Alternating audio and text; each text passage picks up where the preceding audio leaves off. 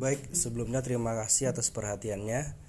Uh, di tengah pandemi COVID-19 sekarang ini banyak sekali pertanyaan yang muncul kepada kami itu terkait dengan apa sih yang harus dilakukan ketika rekan bisnis kita one prestasi atau dia mengalami gagal bayar atau default.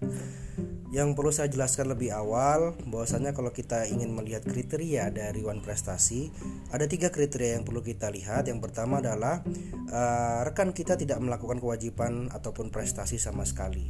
Yang kedua rekan bisnis kita telat di dalam melakukan kewajibannya dan yang ketiga adalah rekan bisnis kita sudah melakukan namun hasilnya itu jauh dari apa yang disepakati bersama.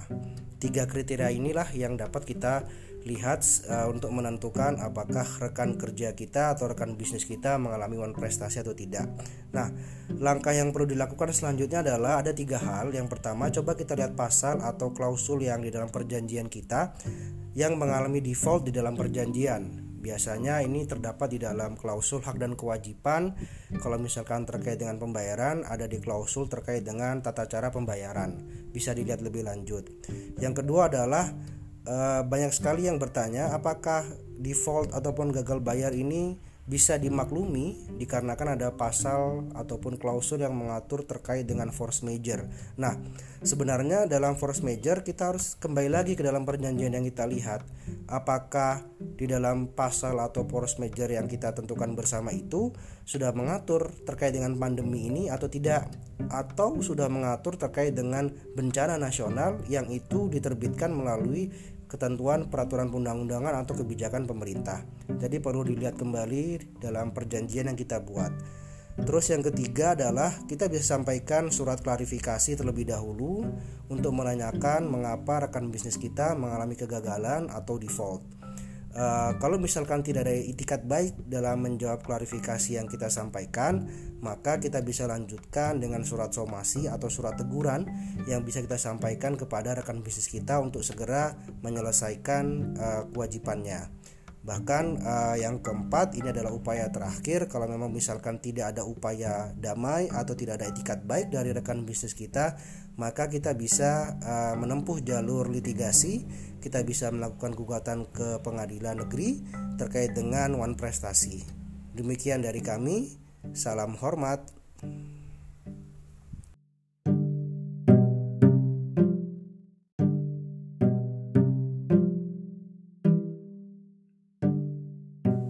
Baik, sebelumnya terima kasih atas perhatiannya uh, di tengah pandemi COVID-19 sekarang ini banyak sekali pertanyaan yang muncul kepada kami itu terkait dengan apa sih yang harus dilakukan ketika rekan bisnis kita one prestasi atau dia mengalami gagal bayar atau default.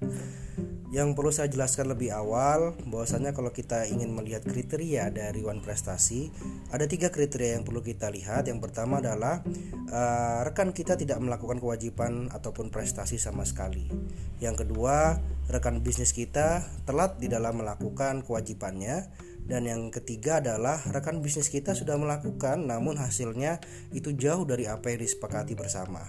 Tiga kriteria inilah yang dapat kita lihat uh, untuk menentukan apakah rekan kerja kita atau rekan bisnis kita mengalami one prestasi atau tidak.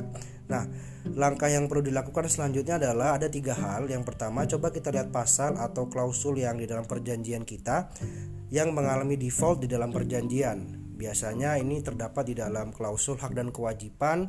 Kalau misalkan terkait dengan pembayaran, ada di klausul terkait dengan tata cara pembayaran. Bisa dilihat lebih lanjut. Yang kedua adalah e, banyak sekali yang bertanya apakah default ataupun gagal bayar ini bisa dimaklumi dikarenakan ada pasal ataupun klausul yang mengatur terkait dengan force major. Nah, sebenarnya dalam force major kita harus kembali lagi ke dalam perjanjian yang kita lihat. Apakah di dalam pasal atau force major yang kita tentukan bersama itu sudah mengatur terkait dengan pandemi ini atau tidak atau sudah mengatur terkait dengan bencana nasional yang itu diterbitkan melalui ketentuan peraturan undang-undangan atau kebijakan pemerintah. Jadi perlu dilihat kembali dalam perjanjian yang kita buat. Terus yang ketiga adalah kita bisa sampaikan surat klarifikasi terlebih dahulu untuk menanyakan mengapa rekan bisnis kita mengalami kegagalan atau default. Uh, kalau misalkan tidak ada itikat baik dalam menjawab klarifikasi yang kita sampaikan, maka kita bisa lanjutkan dengan surat somasi atau surat teguran yang bisa kita sampaikan kepada rekan bisnis kita untuk segera menyelesaikan uh, kewajibannya.